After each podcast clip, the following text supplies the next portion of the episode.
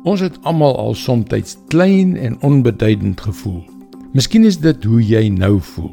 Klein, onbeduidend. En in hierdie suksesgedrewe wêreld waarin ons leef, dink ons dit is 'n slegte ding. Hallo, ek is Jockey Gouchee vir Bernie Diamond en welkom weer by Vars. Daar is iets in elkeen van ons wat smag na erkenning. Ons begeer dat mense verblind moet word deur ons sukses. Die apostel Paulus was een van daardie ouens. Voordat hy Jesus op die pad na Damaskus ontmoet het, was sy naam eintlik Saulus. Hy was vernoem na Israel se eerste koning, 'n man wat lank aantreklik en ydel was. Saulus was uit die stam van Benjamin, 'n lid van Israel se regerende liggaam, die Sanhedrin, en hy het aan die beste skole gestudeer. Hy noem homself 'n Fariseer onder Fariseërs, 'n vervolger van die kerk en hy beskou homself as regverdig onder die wet. As iemand die reg gehad het om suksesvol genoem te word, was dit hy.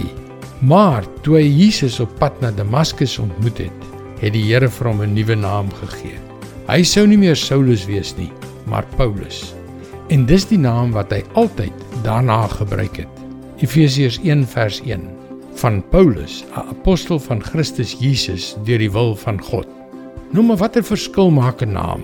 Nee, my vriend, Dit maak 'n reuse verskil in die Hebreëse kultuur. Jou naam het jou as persoon gedefinieer.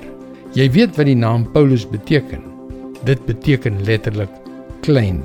Hierdie eens arrogante, beledigende en suksesvolle man, Saulus, moes Paulus word om in die hande van God bruikbaar te wees, om 'n apostel te word wat deur God uitgestuur is om sy werk te doen, om uiteindelik amper die helfte van die boeke van die Nuwe Testament te skryf.